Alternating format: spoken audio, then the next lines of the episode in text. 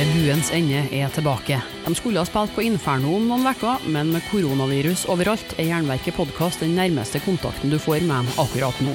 Her er et ferskt intervju med guttene. Før vi kjører intervju, har jeg en beskjed til deg. For at Jernverket skal overleve som podkast, trengs det midler, så jeg har vært frekk nok til å opprette ei Patrion-side og en Vipps-konto. Så om du vil bidra med noen slanter for å holde Jernverket flytende, hadde jeg satt enormt stor pris på det. Du kan bidra månedlig via Jernverkesida på patrion.com, eller gi en enkeltsum via VIPS nummer 567438. Beløpet er sjølsagt valgfritt. All informasjon står nederst i episodebeskrivelser med ei lenke som fører jeg rett til kassen. Tusen takk for alle bidragene hittil, jeg klarer ikke dette uten deg.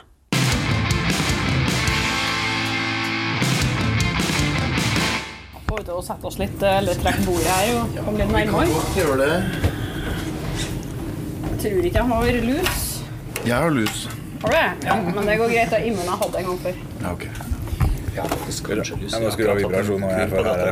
Er. Da er det faktisk en sjanse å ikke bare spøke. Ja, faktisk.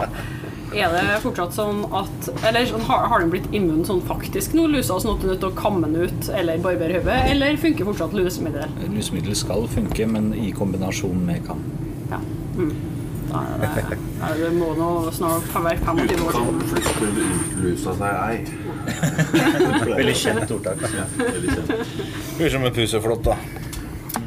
Sindre, kan jeg få et glass vann? Eh, ja takk. Ok, nei, vi kjører bare i gang, gjør vi det? Ja. Eh, skal jeg prøve å styre den her som best det lar seg gjøre? Sitter jeg på kniven før åpningstid med ved buens ende. Det hadde du trodd for noen måneder siden.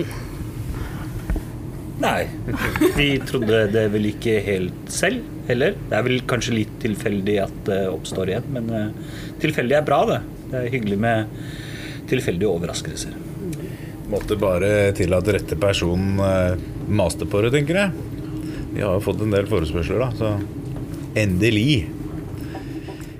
Ja, vi kan jo vel ta en presentasjonsrunde på dere òg mens det nå er her. For uh, selv om eh, det er mange som har fått med seg bandet ved buens ende, så er det ikke sikkert alle sammen vet hvem det er som skjuler seg bak de forskjellige instrumentene.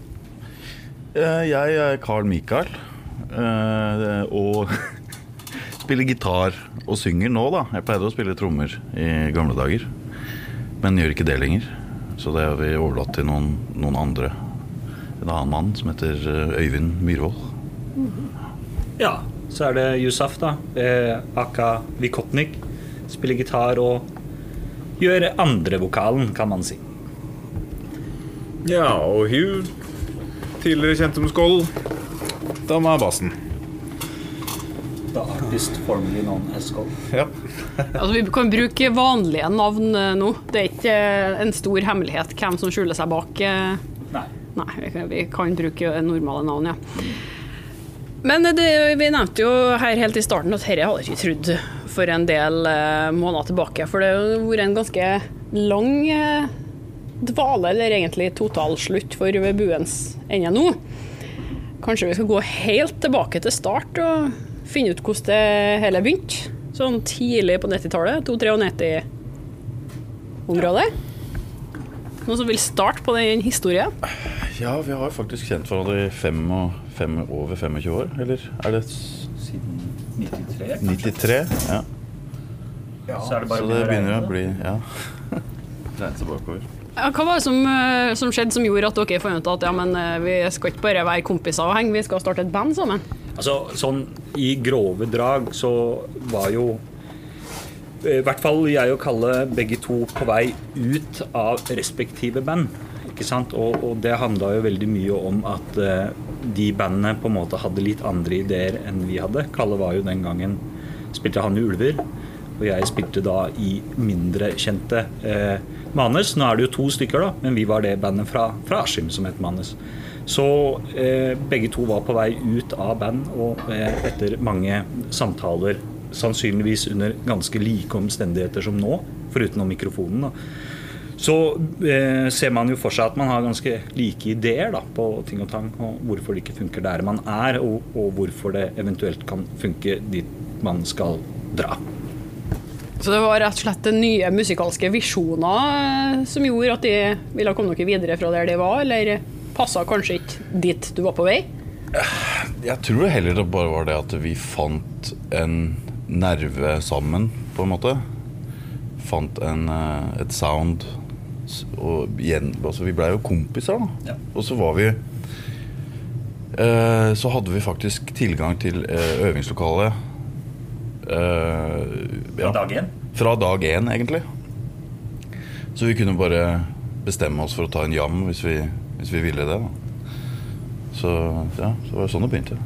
Så hadde vi en del felles referanser for plater, da. Ikke sant? Eller musikk vi likte. Og det var jo ikke bare metall. Ikke sant? Så det var jo å prøve å ikke sant? Vi var jo godt rota og forankra i metallsjangeren, men så hadde vi også utrolig mange andre artister som vi hørte på. Da, ikke sant? Og eh, man lefler litt med ideen om å liksom, på en måte å, å hvert fall få inn type stemninger fra annen type musikk, da, og se hvordan det på en måte lar seg oversette inn i metallen. Jeg tror altså at den, det man så for seg, var såpass abstrakt på den tiden at eh, man hadde nok ikke noen klar visjon før det lå på teip.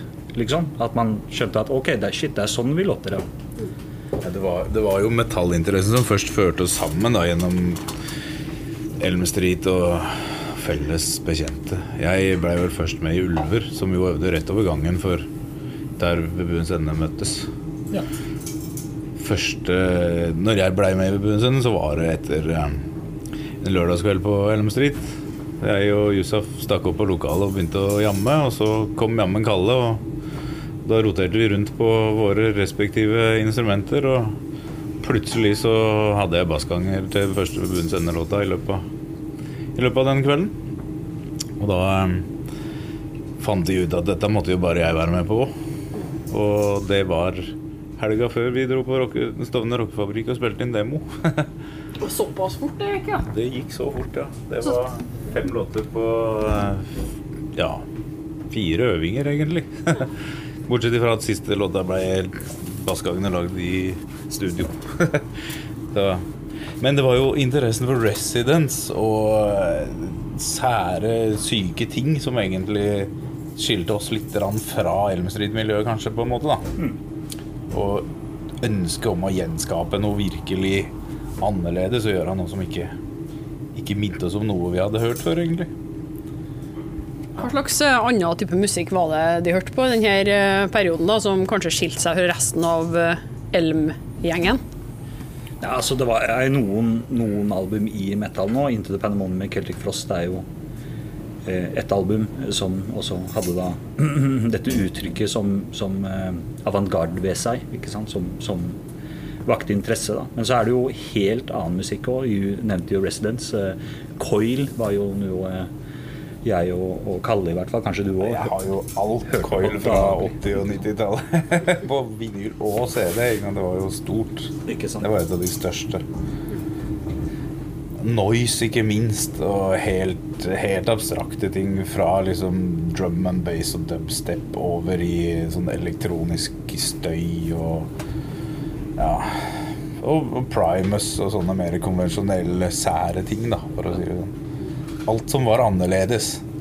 Glemme alt som var å finne på Free Record Shop og platekompani, stort sett, men eh, men det var mye sånt som var interessant òg. Sisters of Mercy og masse forskjellige sånn Gotha-greier og Ja.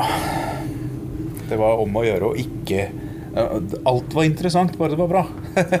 Så, absolutt stikk motsatt av narrow-mindedness, da. Ja, Det var jo kanskje litt det rundt dere eh, den gangen. Det skal liksom være rent uh, innafor den sjangeren. Altså, Hvordan så folk på dette her? Jeg forsto det jo som at den første demoen ble litt sånn eh, var litt, Folk var litt skeptiske, rett og slett. Hva er dette her for noe rariteter?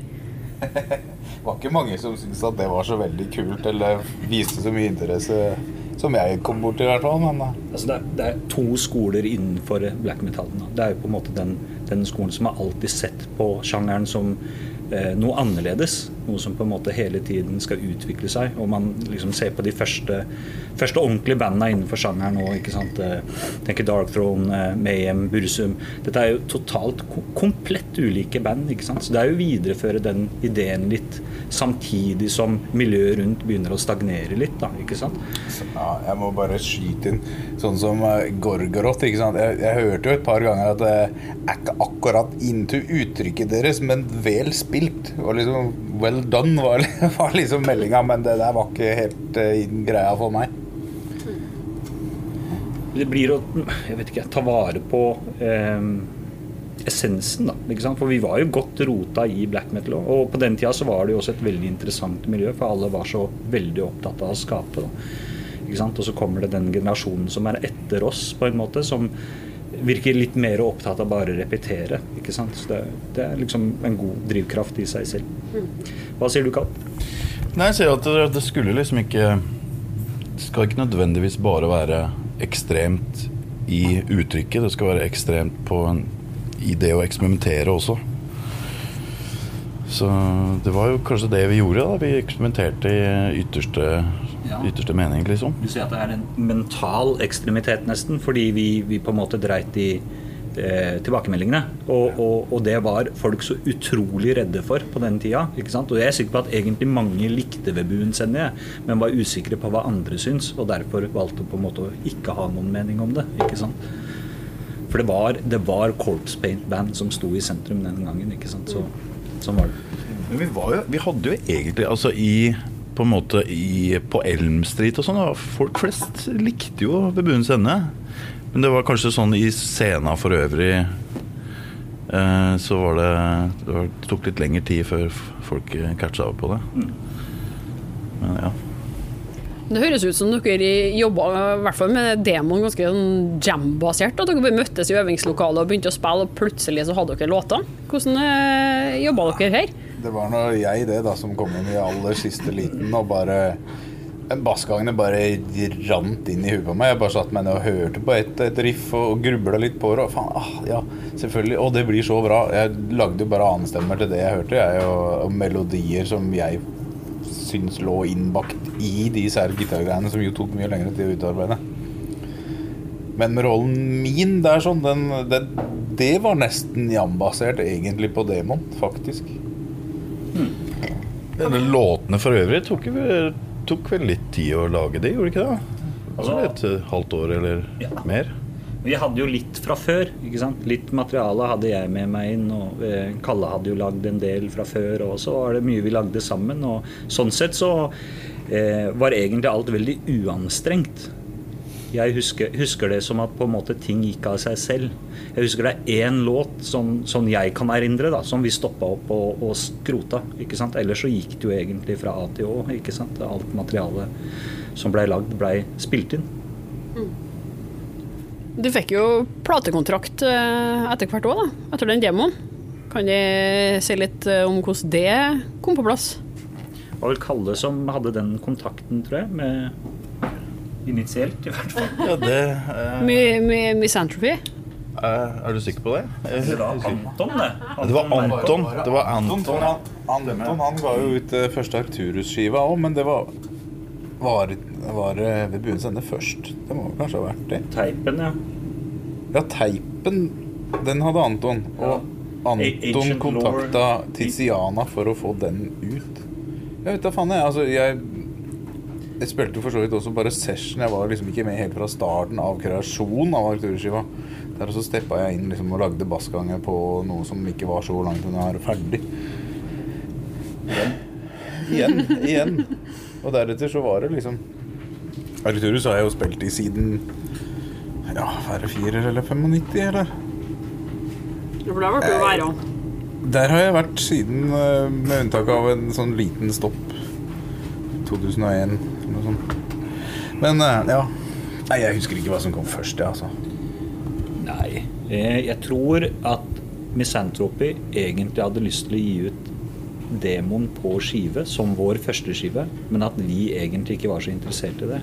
Og at da fikk vi til på en måte en sånn mellomting-greie hvor Misanthropy var med å finansiere Ancient Lore eh, Creations, tror jeg det het, eh, sin kassettutgivelse. Og så var det allerede den gangen meninga at da neste utgivelse skulle bli en, en skive på Misanthropy. Det er mulig jeg husker komplett feil, men det er sånn jeg erindrer det. Altså, det er jo ingen som kan motbevise dere. Det er jo ikke Shane nødvendigvis heller, da, hvis ikke sett en sånn uh, Entry-fyr der ute og har koll på alt. Ja. Håper han ikke eksisterer. Ja, selskapet eksisterer jo ikke lenger, så Tiziana eksisterer jo ennå, hun. Ja da. Businessdame fra Tyskland. Hun har vel kanskje koll på sånt, jeg vet ikke. Men vi skal ikke drive med arrestasjoner og sånt på det her. Vi skal heller snakke om eh, musikken som ble til. For at uh, dere satt kanskje da svanger allerede med en del uh, låter som kunne bli et album, eller? For det ble jo ett. in Waters fra 95. Vil du fortelle litt om det? Hva det? Ja, vi, vi brukte jo noen av låtene fra demoen da, på skiva. Uh, og jeg tror nok eh, demon har på en måte noe litt mer sånn umiddelbart over seg. Skiva var litt mer sånn planlagt, og vi hadde vel, var kanskje litt mer nervøse. Eh, og følte vel kanskje ikke Jeg husker i hvert fall at jeg ikke følte meg like sikker i det jeg drev med på skiva som på demoen, på en måte. Akkurat som jeg i mellomtida hadde oppdaga oppdaga hvor vanskelig dette er egentlig er, da, ikke sant? Før vi gikk i, i studio. Men jeg syns skiva har mye, mye bra låter, altså. Ja. Jeg vil kanskje si at skiva har de sterkeste låtene, og Demon har den sterkeste overbevisningen. på en måte. Og jeg kan veldig relatere til det Kalle sier om, om å på en måte være litt i tvil. Eh, og det handler nok også i stor grad om studiosetting. At man plutselig er kastet inn i et, liksom, et profesjonelt studiomiljø for første gang hvor, hvor man eh, samarbeider med aktører som er vant til å ta mye større kontroll. Da. Og, og, da blir det den prosessen litt seigere. ikke sant? Og det er liksom, Du må klokken syv om morgenen. altså Vi, vi var jo veldig unge den gangen. Å komme i studio, være der fra syv mens du egentlig fungerer på en helt annen klokke. da. Det er bare små, små ting da, som gjør at uh, hele opplevelsen blir helt annerledes enn en, en, en tidligere. da. Men jeg vil jo si at definitivt at låtene på skiva er jo er jo mye sterkere. Og vi har jo kommet et, et steg videre der, syns jeg, i forhold til det å være på en måte eh, innovative. da, ikke sant? Og eh, et enda særere sound, egentlig, som, i forhold til det som ligger i bånn.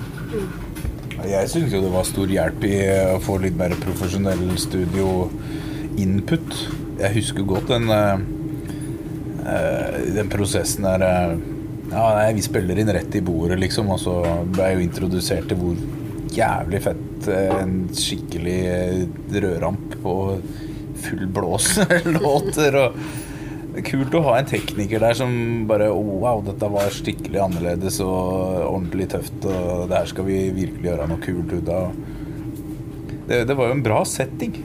Altså, det er særlig én sånn episode som går igjen hos meg. og Det var han, eh, han ene teknikeren som hørte meg og Kalle og, og, og you jamme 'Remembrance of Things Past', tror jeg. Der er det en god del doble basstrommer. Og da sa han fett, fy faen, kult, ass. Her skal det bli skikkelig Pantera-basstrommer. Og da var jeg allerede liksom på både offensiven og defensiven med en gang. ikke sant? Så, så, det er bare en sånn setting hvor, hvor, du må på en måte altså De kom jo med kjempemye bra, Paul og, og Craig heter de. De kom jo med kjempemye bra input, de. altså det er ikke det, Men det var også en krig til tider på en måte, for at de skulle på en måte skjønne eh, visjonen. Men så er det ikke så lett for dem heller. For dem hadde jo sannsynligvis aldri hatt samme type band i studio tidligere. Så da har du heller ingen referansepunkter. ikke sant? Så da blir de knaggene du har, andre band som ikke nødvendigvis er like relevante. Ja, Craig han hadde jo faktisk Ulver på Bergtatt. Eh, han var jo tekniker på den. Og eh, hadde jo da liksom min type bassing fra det. Men det var jo Paul som var tekniker når jeg spilte inn, og når vi miksa skiva, så vidt jeg kan huske. da Jeg husker jo bare at, det, at den der rødrampen sto på full musikk når vi miksa, og da var Paul som satt og ratta. Å, fy faen, det var grom. Moro. Men, men følte de sjøl at de visste hvor de var på, på vei her nå? da, For eh, teknikerne kunne jo ikke gå inn i hjernen deres og skjønne det, men eh, visste de sjøl hva de skulle gjøre? Altså Alt det her er jo Man kan jo føle at den, den musikken her eh, vet ikke om du kan kalle det svevende, men at det er det er såpass annerledes da, at en må vri seg sjøl litt òg, sjøl om en har skrevet det sjøl. Jeg tror vi fortsatt var litt der at eh, vi ikke helt visste hva vi, hvor vi ville. Vi- Det var, ikke, det var bare noe vi gjorde, og så blei det som det blei. Det gikk vel egentlig opp for meg akkurat nå at vi har faktisk spilt inn en litt milestone-skive her for 23 år siden, på en måte. Altså, jeg var 17 år, jeg. Hvor god oversikt har du om noe som helst når du er 17? liksom? Ikke sant? Så, og, og ikke minst, hvor god formidlingsevne har du? Jeg syns Kalle sier noe helt riktig der, og det er at vi, vi liksom Vi bare dreiv, på med noe, ikke sant? Så når man blir satt i en posisjon hvor man skal sette seg ned på en måte og prøve å formidle og reflektere det over sånn, så kommer man inn i eh, en situasjon man aldri trodde man skulle være i. da. For er, man, man har ikke trent på det på forhånd. Man har liksom bare gjort, gjort det man har gjort. Vi spiller jo den musikken som kommer ut av oss sjæl. Det er ikke når du tenker over at Jeg tenkte ikke over at jeg skulle prøve å gjøre noe annerledes. Jeg har bare ikke noe skolering innen denne musikken i det hele tatt, så jeg har ikke noen innøvde retningslinjer. Jeg har ikke liksom noe sånn og sånn skal du gjøre som utgangspunkt.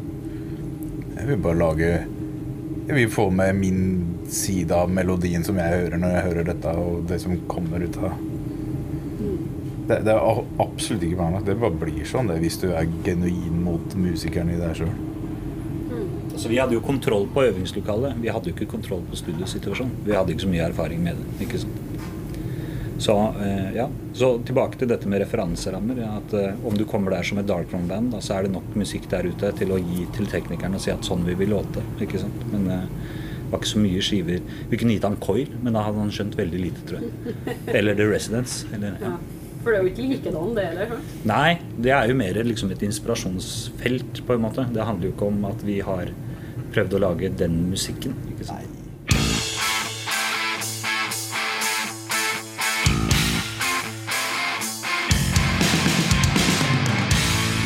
En ting er jo det musikalske her, men eh, det tekstlige er det jo eh, mange som har trukket frem òg, og det er jo mørke, eh, mørke greier. Altså, sånne ting som egentlig bare ganske unge folk som ikke nødvendigvis har det tipp topp, klarer å lire av seg. hvordan hvordan Hvordan jobba de med det? Nei, jeg veit ikke.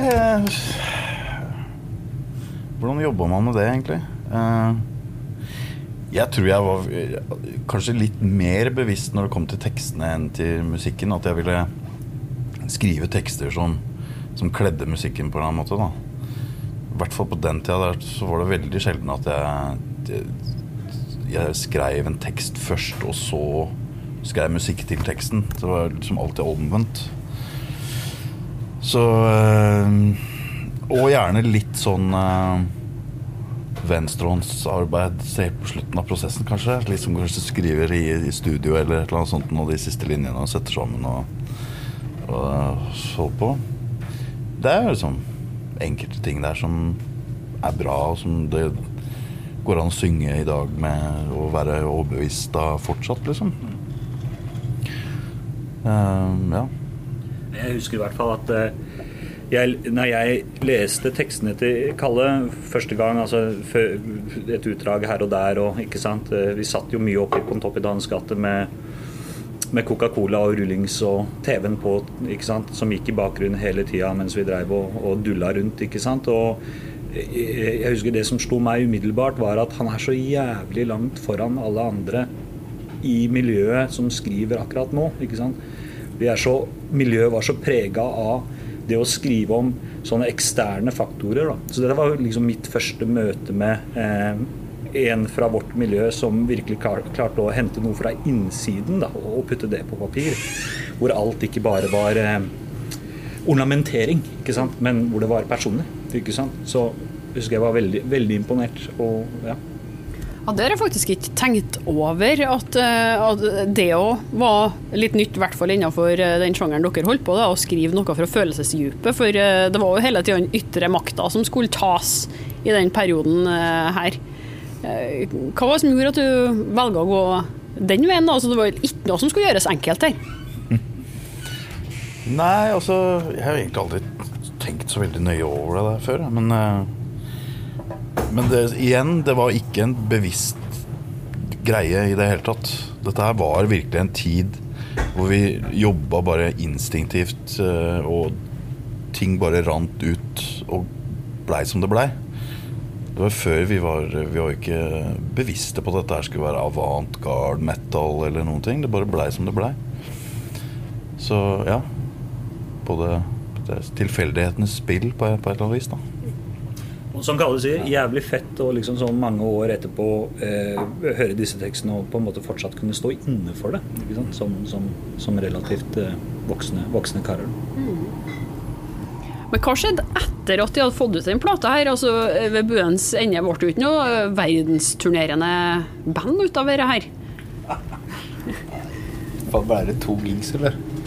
Ja, det var vel booka tre, men den ene så lå vi hjemme og spøy og dreit, holdt jeg på å si. Vi blei jo sjuke alle mann, eller du slapp vel jeg syns jeg husker at det var sjuk i England på den ene gigen da vi faktisk spilte òg, jeg. På Ja, da- Astoria, var det ikke? Da drev vi og kom oss, men vi skulle jo egentlig spille dagen før. Vi ble matforgifta, skjønner du, i, eh, i London. På, det var vel Var det andre konserten vi gjorde? Ja, andre konserten vi skulle gjøre.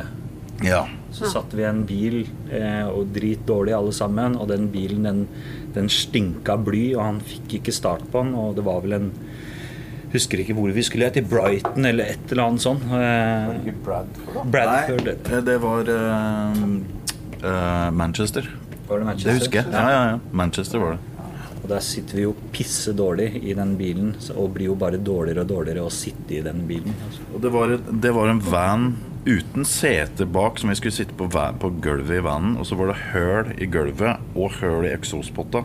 Så det rann, altså det lakk inn dieseleksos inn i Så det var jo Kunne blitt eh, vår, vår siste time. det Jeg hadde oppdaga alkoholen, så jeg husker jo minimalt av det der. Men jeg husker det at det var skikkelig dårlig og masse kaos. Og giggen gikk jo helt elendig, og selvfølgelig er det noen som har bootlegga den. da. Uff. Hvordan endte du opp i England av alle plasser, da? Ja, det har vel noe med labelen å gjøre, tenker jeg. Ja. Sånn i forhold til at det var der vi spilte. Men nå spilte vi jo faktisk en gig før dette her, da. Ikke sant? I, i Tyskland. Er det Brum det heter? Brum, ja. Festivalen til han Jørg, det. Ja, stemmer. Det var jo også en, et kapittel for seg sjøl der. hadde de jo. Eh, Utdyp. Ja, eller ja, det var jo en veldig rar booking. Det Virka som hele dette her med å booke den type ekstremmetallfestivaler var, eh, var i sin spedbarnsfase. Og det der kan man vel kanskje kalle en spedbarnsdød.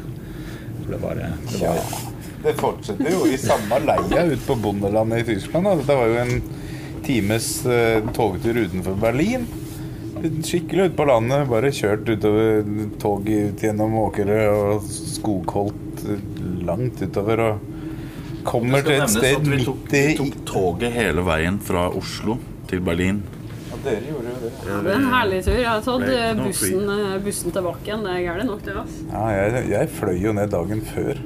det er derfor, Så jeg, det er derfor du ikke husker hvor gæli det var alt jeg, sammen. jeg husker så godt platesjappa til Jørg, der eh, jeg møtte Dark Funeral og tilbrakte den kvelden og natta. Mange poser med griseblod som skulle over i bøtter og Ja. Det var jo fyllekule, det. Det var litt av en aften. Så på en pinnestol to netter på rad. Uff. Nei, det var, jo, det var jo så fjernt. Det var jo veldig østblokk da i Berlin. eh, Da i ja, vel i 95, dette sikkert. Ja. Og, og altså Platesjappa var en helt vanlig et helt vanlig rekkehus. Grå fasader så langt du så bort igjennom. Og en av de fasadene var tilfeldigvis platesjappa til Jørg. Skikkelig underground. Og eh, ja, det var jo ingenting som kunne vises. Bare likte du de der, da. Men når du kom ut på landet der festivalen var, så plutselig møter du folk i corpse paint og sånn ut, midt ute på et jorde. det var jo helt merkelig. I Tyskland kommer det jo folk uansett hvor du er hen. Ja, en, en ting jeg husker som veldig fett med den eh, festivalopplevelsen, var i motsetning til hvordan det har blitt, da, er at nå, nå per, I dag så pleier jo alle bandene å sitte på backstagene sine. Liksom. Men her var det jo ikke den valg, det valget. Her var det jo bare en sovesal hvor alle bandene var stua sammen. Og sånn er det fortsatt på festivalen til Jørg, der jeg spilte nå i fjor sommer. var akkurat samme svære salen som var backstage for alle banda. Hun driver fortsatt på. Nei, han driver fortsatt på. Huska det at ved Buens ende at eh, jeg og, jeg og Simen var prata med han, og ja, faen, ja, da var vi plutselig kompiser med en gang. kult. Men alle, jeg husker at alle syntes det var fett å omgås. ikke sant? Og det var jo en del, på den tida i miljøet òg hvor, hvor det var veldig mye interesse for hva, hva andre gjorde. da, ikke sant? Mens nå, nå er ting litt annerledes. ikke sant? Folk er mer bare i seg selv da, eller i sin gruppe, på en måte. Og, eh, så det, det, er liksom et sånn punkt jeg husker som veldig annerledes den gangen enn, enn hvordan det er i dag. Da, ikke sant? Det var jo litt mer sånn Du var på festival, så var jo alle sammen på festival og festa i lag. Skulle sånn på Roskilde òg, ikke sant. Du bare rava rundt mellom telta og var kompis med alle. liksom. Nå er, nå er folk litt mer voksne i familiegruppene sine. Mintsnus. Men altså, det har jo kanskje litt med å si at nå er alt så tilgjengelig, da, at du, du tror du vet alt om folk, og du har ikke det samme behovet, tror du, for å for utveksle sammen med andre, siden du uansett kan finne ut av det. Trengte du å snakke med noen lenger. Nei, Jeg var opptatt av å bestille øl, jeg, nå, så jeg fikk ikke med meg spørsmålet. Men jeg henger meg sikkert på etter hvert som de andre. Ja, nei, nei, nei, det var, det var mitt. en kommentar i et spørsmål, men i, i dag så har du jo muligheten til å finne ut hva alle sammen driver med, stort sett ved å bare google. Eller sånn, du trenger jo ikke å snakke med folk lenger. Så du tror at du vet, og du tror at du ikke trenger å snakke med noen. Det der er å lure seg sjøl i stor grad, for du får bare mer av det som blir dytta fram av de mest PR-kåte tullingene out there. ikke sant? Hvis du ikke snakker med folk, så hører du ikke om de interessante tingene. Og det er vel kanskje noe jeg har brent meg litt på, da, for jeg har hatt så mye andre jernilden og så mange andre folk å omgås, så jeg har egentlig utelukka veldig mye av musikkmiljøet i altfor mange år. Hører jo nesten ikke på musikk, har ikke oppdaga noe særlig nye band de siste ti åra, har jeg følelsen av. Men jeg, jeg tror at miljøet var såpass mye mindre den gangen, at alle var noenlunde interessert. Så tror jeg også at det var veldig viktig for oss og andre å sjekke ut om, om du var noe Tess, på en måte. Eh, og, og det syns jeg er et sånn litt sånn interessant eh, aspekt av miljøet som har forsvunnet litt. ikke sant? At, eh, og dette handla egentlig i mindre grad hvor flink du var til å spille instrumentet ditt, men heller hvilken på en måte kunstnerisk visjon du hadde. da, Om, om du mente noe utover det å spille i band. At vi testa hverandre mye mer på den måten. Og derfor var man også mye mer interessert i det å konversere da, og, og, og sitte i samtale for å høre ok, hva er din idé bak dette her, hva, hva er det du legger i dette her, osv. Sant? Det er jo kjempekult. Det burde jo folk gjort i dag, for eh, det snakkes jo om stagnasjon i, i det her nå. Nå er jo forhåpninga når Buens ende kommer sammen igjen, da, men eh, det kan vi jo komme tilbake til etterpå. men hva, hva var grunnen til at uh, det ikke ble flere konserter, og det ble ikke noe mer uh, plate? De rett og slett la inn årene etter noen år? Ja, nei, jeg tror at det, Jeg tror at det har mye å, å si at vi begynte å bli bevisste på hva vi dreiv med. Og vi begynte å bli bevisste på sjanger og sånne ting. Jeg husker jeg, jeg ble veldig var jo veldig opptatt av å spille trash metal. ikke sant? Og jeg starta ikke bare ett, men to trash metal-band. ikke sant? Inferno og Åra Noir. Og eh, ville kjøre på med det. Og, og var med et, blitt ganske bevisst på, på sjanger, da. Ikke sant? Så jeg veit ikke. Det var vel et eller annet sånt uskyldsrent som hadde forsvunnet litt, grann, da, eller et eller annet sånt noe som gjorde at man begynte å trekkes i andre retninger, rett og slett. Ja, For der gikk det litt i motsatte retninger. Du eh, gikk tilbake til trashen, som i hvert fall kan sies at lå langt nede i en dal eh, på det tidspunktet. Og du gikk over i Dødheimsgard? Dødheimskar. Ja, det ble mer fokus på det. Jeg tror ikke jeg tenkte over det, at nå skal jeg fokusere mer på Dødheimsgard, men jeg syns jo at ting gikk eh, rollen hadde endret seg litt. Jeg syns ting plutselig gikk veldig mye trådere i ved bunnens ende. Jeg, jeg, jeg kan ikke huske at vi har mer enn kanskje håndfull riff fra tida etter Written in Waters, liksom.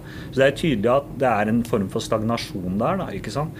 Og, og da blir det jo veldig lett å eh, Samtidig, da, for min del så skjedde det jo mye ting i Dødheimskar, da. Da går jo vi inn i den perioden hvor vi lager materiale til Satanic Art og 666 eh, 666 International, som også på sin måte er skiver som eh, er annerledes, da, ikke sant? eller har, har noe ved seg. Så, så det blei bare en, en, vektfordeling, altså en omvendt vektfordeling da, i forhold til hvor det gikk lett og hvor det gikk trått. Ja, det, det, som var mye av greia, jeg husker godt den konflikten som liksom var litt gryende der, var jo at Kalle ville spille mer mainstream. Han ville liksom dra inn mer mainstream influenser og kanskje gjøre det litt mer, litt mer tilgjengelig. mens Yusuf, du vil jo helst dra mer i retning metallene med det. Og jeg husker jo det at faen, gutter, vi har jo en perfekt eh, kombinasjon av sær ja, tidligere uhørte greier her. Hvorfor skal vi tatt forandre på noe? Men alle hadde så masse annet. Som Yusuf sier, jeg hadde jo både ulver og Arcturus ikke sant, som var veldig aktive. Faen, jeg hadde jo ikke tid til å jeg, Uansett lagde ikke jeg så mye musikk, da, men det var jo masse å fylle tiden med. Ting som funka, og ingen av oss var vel egentlig så veldig opptatt av å spille live. Og gjorde jo ikke, jeg spilte jo aldri live med noe band. Det var, det var de par gigsa med Buenscenen og én gig med Arcturus i 95. Bortsett fra det så var det jo ikke snakk om noen mer konserter før i 2003 eller noe. Presentere en litt sånn idé jeg kom på nå i forhold til liksom, kanskje en årsak til stagnasjonen, er jo at det var så fryktelig høye krav til hva som skulle være ved bunnens ende.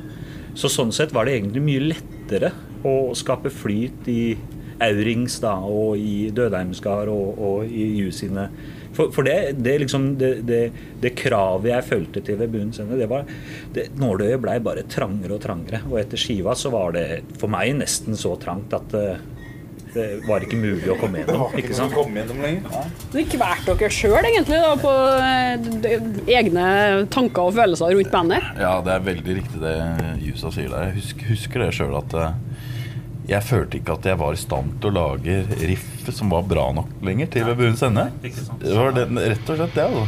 Ja.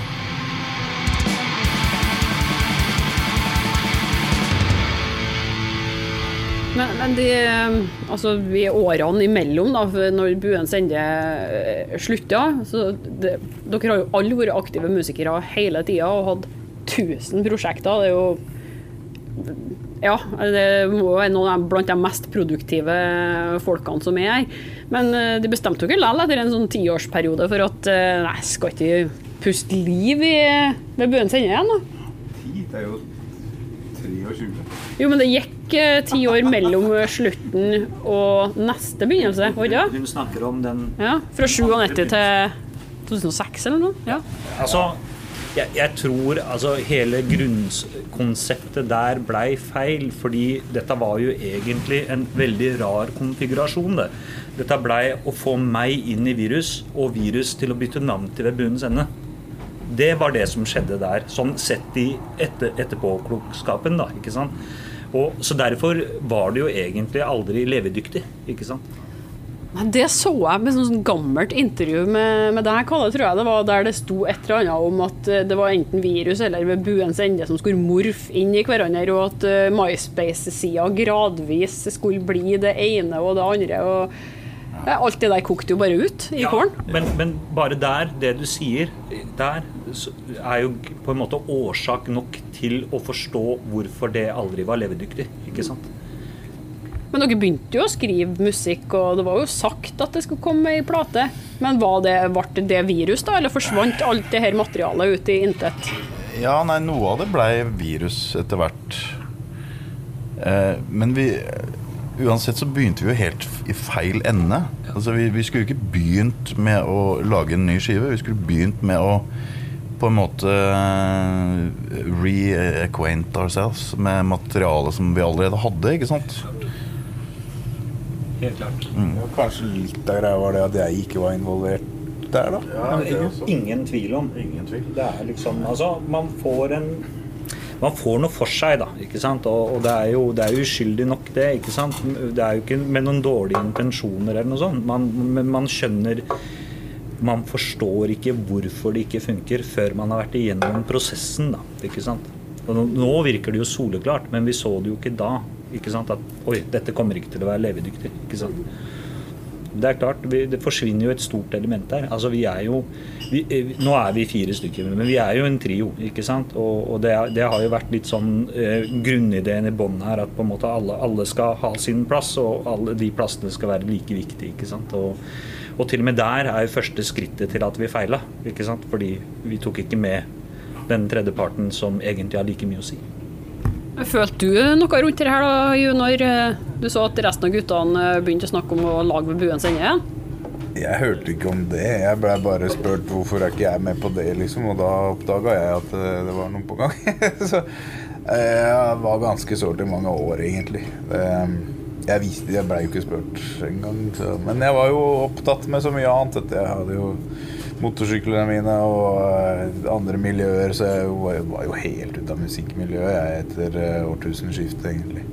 Men så skjedde jo Arcturus igjen, da. Det var jo en lang stopp eh, med Arcturus, ikke sant. Og kom i gang igjen i Begynte å spille live, og så begynte jo den nye forrige skiva å komme sammen, og Det var egentlig full gass med Arcturus da, 2004, 5, 6. Så Men når jeg hørte at det var virus, og hvorfor ikke jeg var med, så var det faen. Nå, hva var det jeg gjorde galt, liksom? For det, det skulle jeg jo gjerne vært med på, tenkte jeg. Men så var det jo også veldig bra. De siste åra har jeg jo liksom bare falt til rom at ja, herregud, åssen skal jeg få tid til resten av livet mitt, liksom? Og, og det var kult å høre at det blei noen jævlig feite skiver ut av det også. Som jeg kan se på og digge som en tilskuer, i stedet for å måtte spille meg lei på låtene før jeg får hørt på dem på skiva, liksom. Og bunnlinja er at eh, det ble riktig til slutt, ikke sant?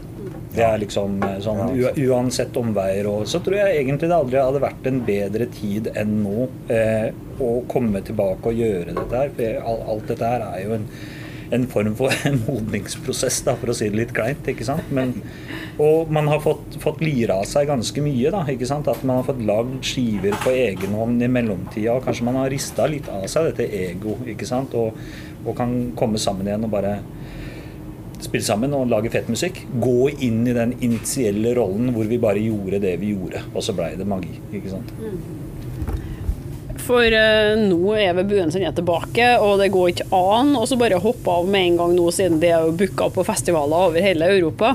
Og det som er forskjellig nå, er jo at plata deres Det er såpass lenge siden den har blitt laga at folk har rukket å synse opp og ned i mente om den, blitt inspirert av den. Altså, den har fått uh, en sånn klassikerstatus, da.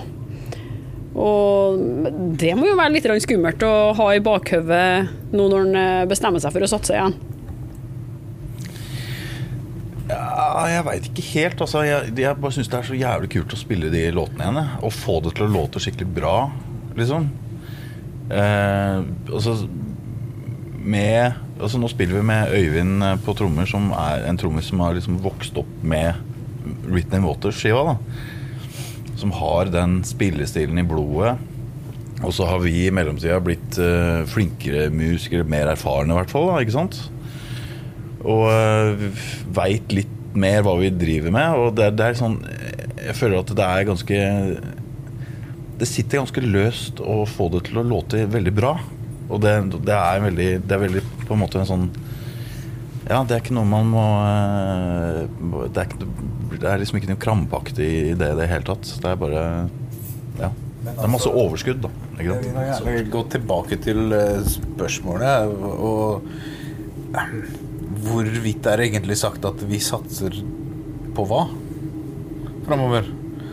Det er noe med det at det er jævla moro å komme sammen og spille disse låtene, men har vi nå egentlig sagt at vi kommer sammen som et band for å lage ny musikk?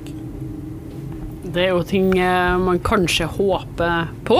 Det er ting Men, folk eh, tar som en selvfølge og er litt inni det når man først kommer sammen, men Men- jeg vet ikke om det egentlig er eh, tanken bak dette, da.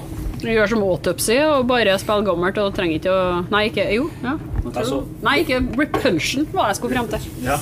Ja. Det som er så digg å komme tilbake, er jo at alle eksterne faktorer de er på en måte borte. ikke sant? At, eh, som du snakker om, på en måte et, et form for, for press. Nå, Vi tenker jo ikke på det i det hele tatt, og det er akkurat det som er så digg.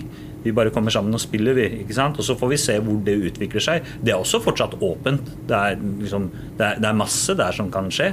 Men det at vi ikke tenker så fryktelig mye på det, det er digg. At vi ikke tenker så mye på de andre banda, det er digg. Dette er bare noe som skjer i seg sjøl, det. Og så får vi liksom bare se hvor det går. Det blir litt, litt tilbake til leken igjen, rett og slett. Men altså, det, nå gikk jeg glipp, glipp av det her, for jeg hadde en vannlekkasje hjem akkurat den dagen, men det spilte i bursdagen til ei eh, felles venn av oss, som nok har en del betydning oppi alt det her òg. Eh, var det den her bursdagsspillerjobben som gjorde at dere tenkte at det her har vi lyst til å gjøre sånn mer av? Det var det, det var det sparket vi trengte, tror jeg. For å, eh, altså, for å komme ordentlig i gang. Vi trengte liksom noen til å bare vippe oss over, eh, over liksom. Og det var, der var Priscilla. Og var veldig stand, standhaftig. Og eh, spurte nok en gang rett ut Er du hypp på å spille konsert på bursdagen min. Ja, hvorfor ikke? Hvorfor ikke? Ja. Kan jo trykke på rette knapper nå, vet du. ja. Så må man huske at det er en tid før her òg. Det er klart, Konserten er jo en slags kulminasjon, ikke sant. Men, men eh, det er jo når man har eh, forsont seg med ideen om at nå skal vi spille sammen igjen, så har jo vi en tid der foran konserten òg hvor vi eh, henger sammen da, og sitter og plukker gamle riff. Og faen, hører jo ikke hva, hva vi spiller her engang. Faen, hva er, det, hva er det som skjer der, da? Ikke sant? Og hvor man kommer veldig i dybden av det man gjorde for 25 år siden, fordi man må, må inn på det på liksom både et kunstnerisk og et teknisk plan. Da. Og ikke minst formidle det videre til hverandre osv. Den prosessen der var jo også, er jo også avgjørende i forhold til dette at ja, faen, dette, dette må vi holde på litt til. Vi må være her i den tilstanden litt til. ikke sant? Men nå eh, har du ikke garantert at det kommer noe nytt, og det syns ikke jeg trenger å gjøre heller. Men blir det litt frista til å sette dere og lage nye riff bare sånn ellers? Vi får se hva som skjer. Vi, vi lar det være et, et åpent spørsmål. For det. Altså Terskelen for at det skal slippe til å bli faktisk en ny Budes Ende-låt, er jo ikke akkurat blitt lavere, da. Åra, kan man jo si. Eh, Det høres ikke sånn ut på det dere har beskrevet tidligere i dag, nei. Men eh, hvordan har alt det gått med bookinga og sånn? Altså fra at det var ikke noe, så er det jo plutselig overalt nå på plakatene i, i Europa. Og det jo, må jo være litt artig òg, at de hiver seg på festivalene og vil ha dere der. Ja, vi, vi har jo eh, hun som på en måte sparket alt dette i gang, hun er jo fortsatt involvert i dette her. Så det er jo hun som er managementet da, i forhold til booking og sånn. Og vi er jo egentlig Jeg føler jo at vi har booka oss veldig forsiktig, jeg, da. ikke sant? For vi har jo fått eh, utrolig mye forespørsler enn det, det vi har vært villige til å gjøre. Så dette er liksom å, å, å, å gjøre riktig mengde til riktig tid, tenker jeg. ikke sant? Og, og ikke bite over for mye, og, og fortsatt eh, bevare det at dette skal være gøy. ikke sant? Dette skal, det skal gi oss noe eh, tilbake, og ikke bare være en, en sånn etappe som vi går igjennom, ikke sant? hvor vi egentlig ikke får noe ut av det. Og det er det som er så jævlig fett. ikke sant? Du fikk jo sikkert litt av, litt av nyhetsinteressespark òg, da. At det kom ei eh, gjenutgivelse i, i fjor av plata på Soulceller òg. Var det jo en del av hele den prosessen her, eller? Nei det, nei, det var tilfeldig. Det var faktisk helt tilfeldig. Ja, men det var det. Ja, Det var det. Det var helt tilfeldig. Ja, nei, Det viser jo bare det at uh, navnet har jo blitt mer akseptert av alle disse bookinga og forespørslene som har kommet etter hvert. Det er et tydelig tegn på at uh, tida er litt mer moden for det nå, da, i hvert fall. Det er moro å se. Men eh, hvis dere tre nå hypotetisk så satte dere ned og, og, og laga musikk, hva er det som er den store inspirasjonen i dag? Hvor ville dere da begynt hen? Altså, Kan jeg svare på det? Vet du hva som er den store inspirasjonen i dag? Webbuens ende. Nei, men det er ikke tull engang. For det var det vi var altfor opptatt av etter hvert. Med dette smale nåløyet. ikke sant? Om jeg noen gang skulle satt meg ned igjen sammen med disse guttene og lagd materialet til neste skive, den største inspirasjonen vi skulle hatt da, er det vi har lagd tidligere. For det er der vi har feila. ikke sant? At man hele tida skal vekk. Vekk fra sitt eget skaperverk. Ja, du om det. Det er det du og Kalle som ville finne på noe nytt og noe annerledes. Faen, skulle hørt på meg. blitt gamlere guttene nå, vet du. Nei, men det er jo litt sånn med meg òg. det er ingen utenfor eh, det er Ingen influens utenfra som egentlig har påvirka meg. Det høres vel kanskje litt på det jeg har gjort òg. Jeg har egentlig aldri hatt noe særlig eh, idoler, forbilder. Og det er liksom I ettertid så har det blitt påpekt at faen, du holder på med, du må kjøre mer grunnlinje og lage litt mer beat i musikken. Og aldri egentlig lagt merke til åssen bassistene holder på. Ja, hvis ikke det er sånn som Les Claypool og sånne helt sære musikere, har jeg liksom lagt merke til at fy faen, han kunne dette, liksom. Men ja. Å kunne se tilbake på det en sjøl har gjort som inspirerende, er jo kult. Men jeg har vel egentlig lyst å Lyst å utmerke meg på samme måten og gjøre det litt mer anvendelig allikevel, da. Forfriskende å høre en musiker si eh, det der, egentlig. For jeg tar ofte meg sjøl i å sitte og høre på musikk, og så kommer det noen og bare 'Hør hva han gjør med det!' Og sånn. Ja, det var kult, men jeg la egentlig ikke merke til at han gjorde det. Hører helheten i sted. Ja, ja, ja. Hva med, hva med deg? Er du fortsatt inspirert av deg sjøl? Uh, ja, altså når det kommer til Vebunens scene, så er det er jo veldig inspirerende å, å, s- å spille de låtene igjen. Det er jo ekstremt inspirerende. Men uh, sånn eh, i det store og det hele så er det Jeg er blitt litt sånn gamlis-keys. Litt sånn traurig, gammel fyr som ikke hører så mye på musikk lenger og hører bare på Steely Dan og det som er sånn dust eh, blitt. Men det er liksom Det er ting som kommer og går, da, ikke sant? Så inspirasjon kommer sikkert til å komme tilbake igjen, det er jeg helt bombesikker på. Men, eh, men det er en tricky proposition, det der altså med, med inspirasjon. Det kommer og går.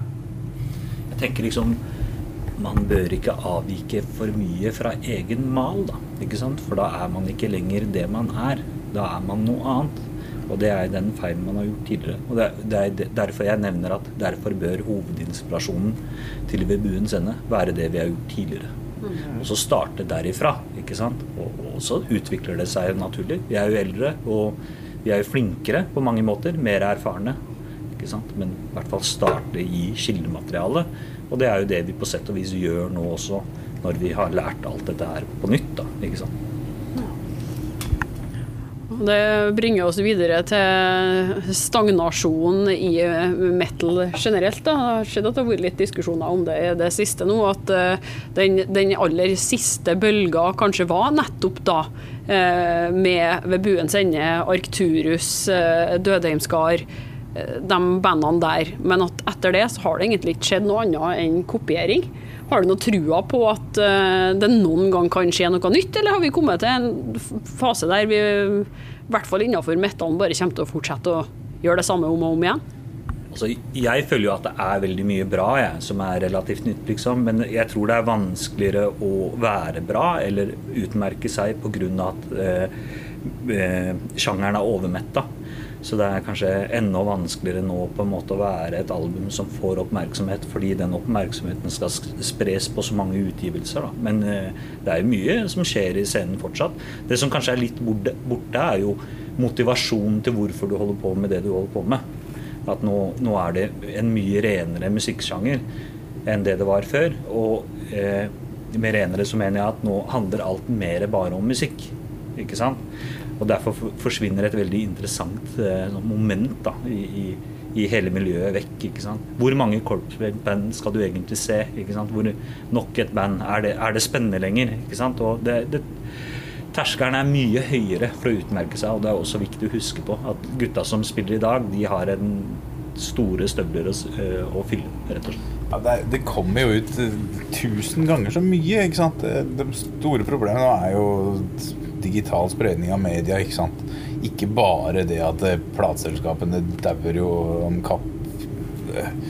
Folk gir ut skiver sjøl, og det, det blir så mye Hvem kan vel egentlig si at det ikke kommer ut alternative, interessante ting? Det kommer bare ikke fram. Det drukner. Altså Om vi kommer ved buens ende i dagens marked, hadde vi i det hele tatt blitt lagt merke til? Ja. Det er et godt spørsmål, altså. Ja, for det er jo ikke det at det ikke kommer bra musikk, for det gjør det jo hele tida. Det er bare det når eh, kommer vi neste gang til å bli overraska over at noe leter annerledes, da?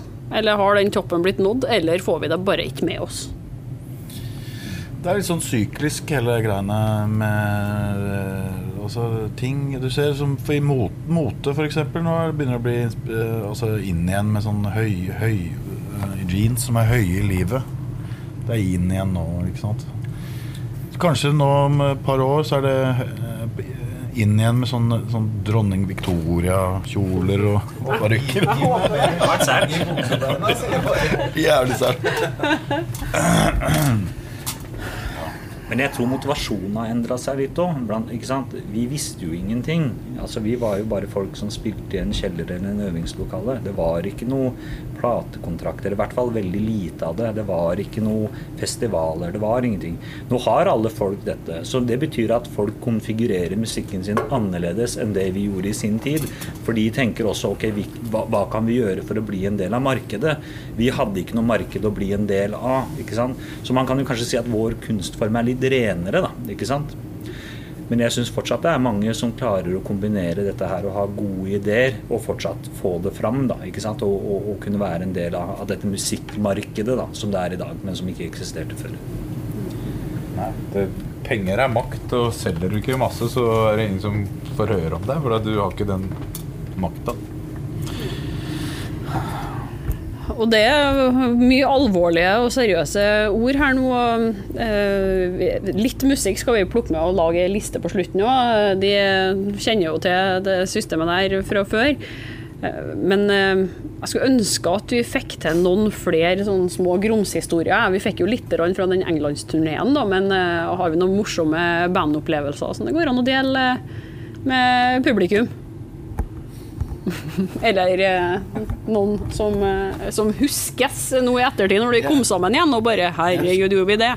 Jeg husker når vi var i studio eh, med, og spilte inn 'Written in Water', så var vi eh, Yusuf, du, du, da bodde du hos meg. Ja. ja vi, vi, dro rett ned i studio. Og vi var så blakke at vi var sultne når vi kom inn i studio. Og var dødssultne hele dagen. Uh, og jeg tror det eneste vi kunne spandere på oss liksom på, på, slutten av dagen, var liksom uh, spagetti med smør og ketsjup. Det, det, var en middag som gikk var, igjen? Altså. Ja, det var en middag som gikk igjen. Liksom. Det var det eneste vi hadde råd til. Så jeg husker vi hadde et imaginært uh, kjøleskap i, i, studio som, som vi pleide å Vi, vi pleide å liksom fantasere om at det var jævlig mye digg inni det kjøleskapet. Da. Så mens, mens teknikeren satt og, og konsentrerte seg og ratta og prøvde seg fram, så, så liksom åpna vi opp dette imaginære kjøleskapet. da Tok ut liksom øl og, og, og ting og tang. da Så ja. Koste oss fælt. Drømte om bedre tider. Ja. Men, men, det er egentlig et ganske interessant aspekt ved, ved det hele òg. At eh, ting var egentlig ganske labert uh, på den tida. Altså, jeg hadde jo akkurat kara meg inn til byen. Uh, 16 år gammel og hadde ikke noe sted å bo og sov litt her og der og bodde hos Kalle og øvingslokale osv. Hadde jo ikke penger i det hele tatt. Ingen som ville gi meg jobb. Kalle var vel den første som hadde en eller annen form for kåk, tror jeg, hvor vi kunne liksom samles når vi ikke øvde. da, ikke sant? Og, så, men jeg, jeg syns også alt det her setter liksom en, et preg på både musikken og liksom stemninga rundt det. da, ikke sant? At, at ting var liksom så man levde så jævlig fra dag til dag, da. Ja, det er den lidende kunstneren, ass. Det, nå er vi Total Bohem-tilværelse. Husker bomma til meg så utrolig mange fyller, liksom. Men på den tida så fikk du jo faktisk fire øl for under hundrelappen nå, ikke sant. Så det gikk an å bare gå rundt og snute.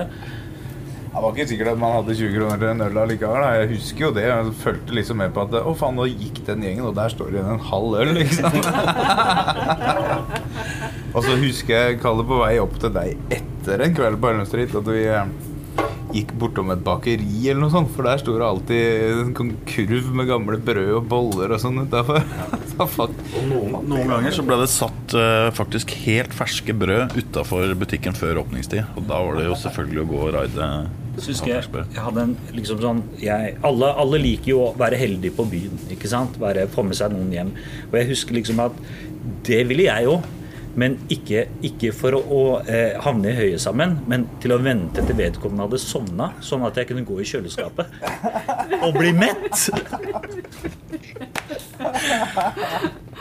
Og det er sånn jeg traff Simen Hestnes. Ja, for han hadde mat i kjøleskapet. Nei, men han hadde blitt med hun som bodde sammen med hun jeg blei med hjem. Så jeg hørte en mann oss- i gangen som plystra, som var på vei ned til kjøleskapet. Ja, ikke sant? Og der sto jeg inni kjøleskapet.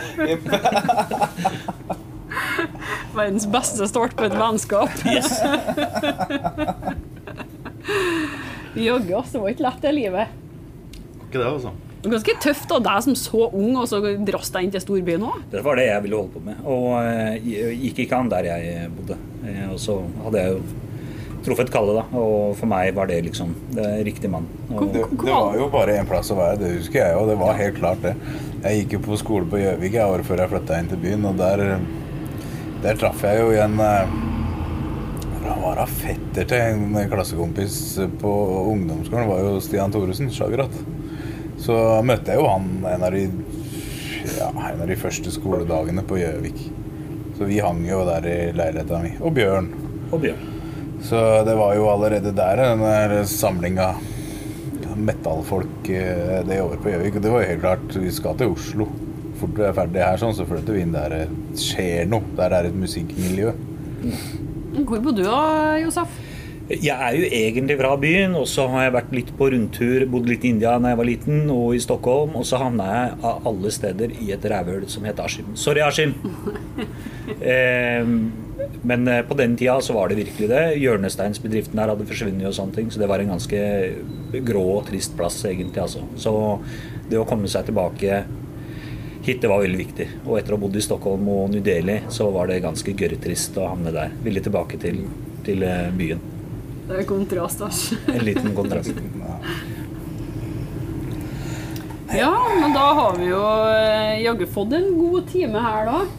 Stort lenger enn det, så er jeg usikker på om folk eh, orker å fortsette å play-knappen inn. Selv om jeg kunne sikkert fortsatt en, ja, til ti timer, da. Var ikke det det var? Jo, ti minutter og ti timer. Men eh, vi trenger ei låtliste. Det er jo det som er kjedelig med podkasten, at jeg kan jo ikke spille låtene i den eh, lenger, men jeg bruker å legge ved ei liste likevel, da. Så folk får et lite inntrykk av hva det er bandet liker og, og sånt. Så eh, det tenker jeg at vi må ha med minst ei ved Buens endelåt. Og ellers så kan de plukke eh, fritt. Og nå føler ikke jeg at det trenger å være metal og sånn lenger heller, ass. Det, Jeg har bare lyst til å At den hadde vi faktisk planer om å covre. eh, en Celtic Frost-låt fra Into the Pandemonium som heter 'Mesmerized'. Den var med på lista. Eh, jeg hører på mye monotont om dagen, så eh, jeg kan dra fram et metalband som jeg har kicka skikkelig på, Oranzi Pasusu. Det syns jeg er jævlig tøft. Og så vil jeg nevne Anna von Hauswolf, som er eh, pipeorgelentusiast. Hun har laget et par jævlig tøffe skiver eh, i det siste. Så Har du Ellers- noe ja, nei, altså, Sorry bare om du har noen skiver jeg skal plukke fra, hvis ikke du tar konkrete låter. Nei, de to siste skivene er det jeg har lagt merke til, da. Skiller seg ut. Både Anna og Oranzi. Eh, ja, egentlig. Og Vardruna, selvfølgelig. Good shit. Eller så må man jo selvfølgelig høre mer på Bunnens enda. Nei, jeg vet ikke. Chelsea Wolf, kanskje. Eh, Penis Beauty-skiva. Sick heter låta. Så om noen gidder å sjekke ut den sangen og ikke har hørt den før, så setter de gjerne ned med teksten òg. Helt fantastisk tekst. Så, ja. Med Buens eh, endelåt, da. Er det noe som utmerker seg der? Jeg vil jo si at det alltid har vært uh, Ice Hang for the Swans, åpningslåta på skiva, som virkelig har Ja, det er vel min favoritt, tror jeg. Ja, jeg er vel enig. Det er på en måte det som endte opp å bli eh, ved buens ende.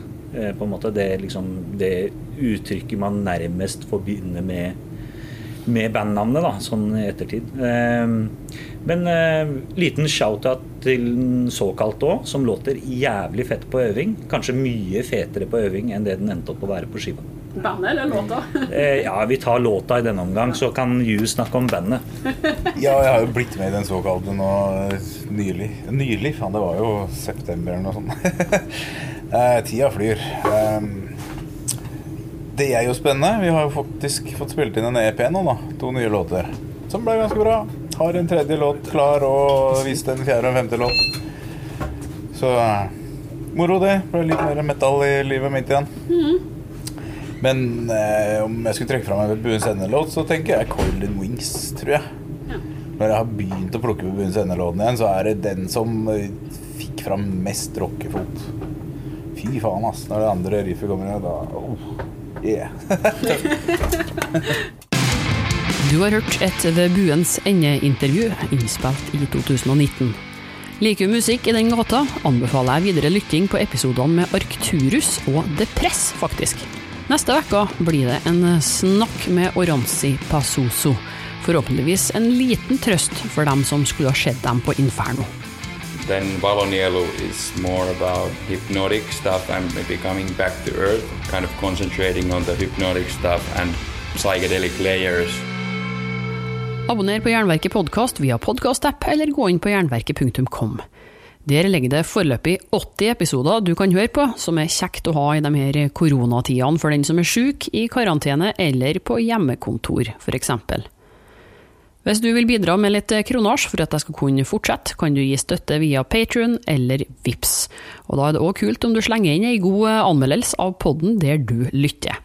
Spre metall, ikke virus, med unntak av bandet, ja.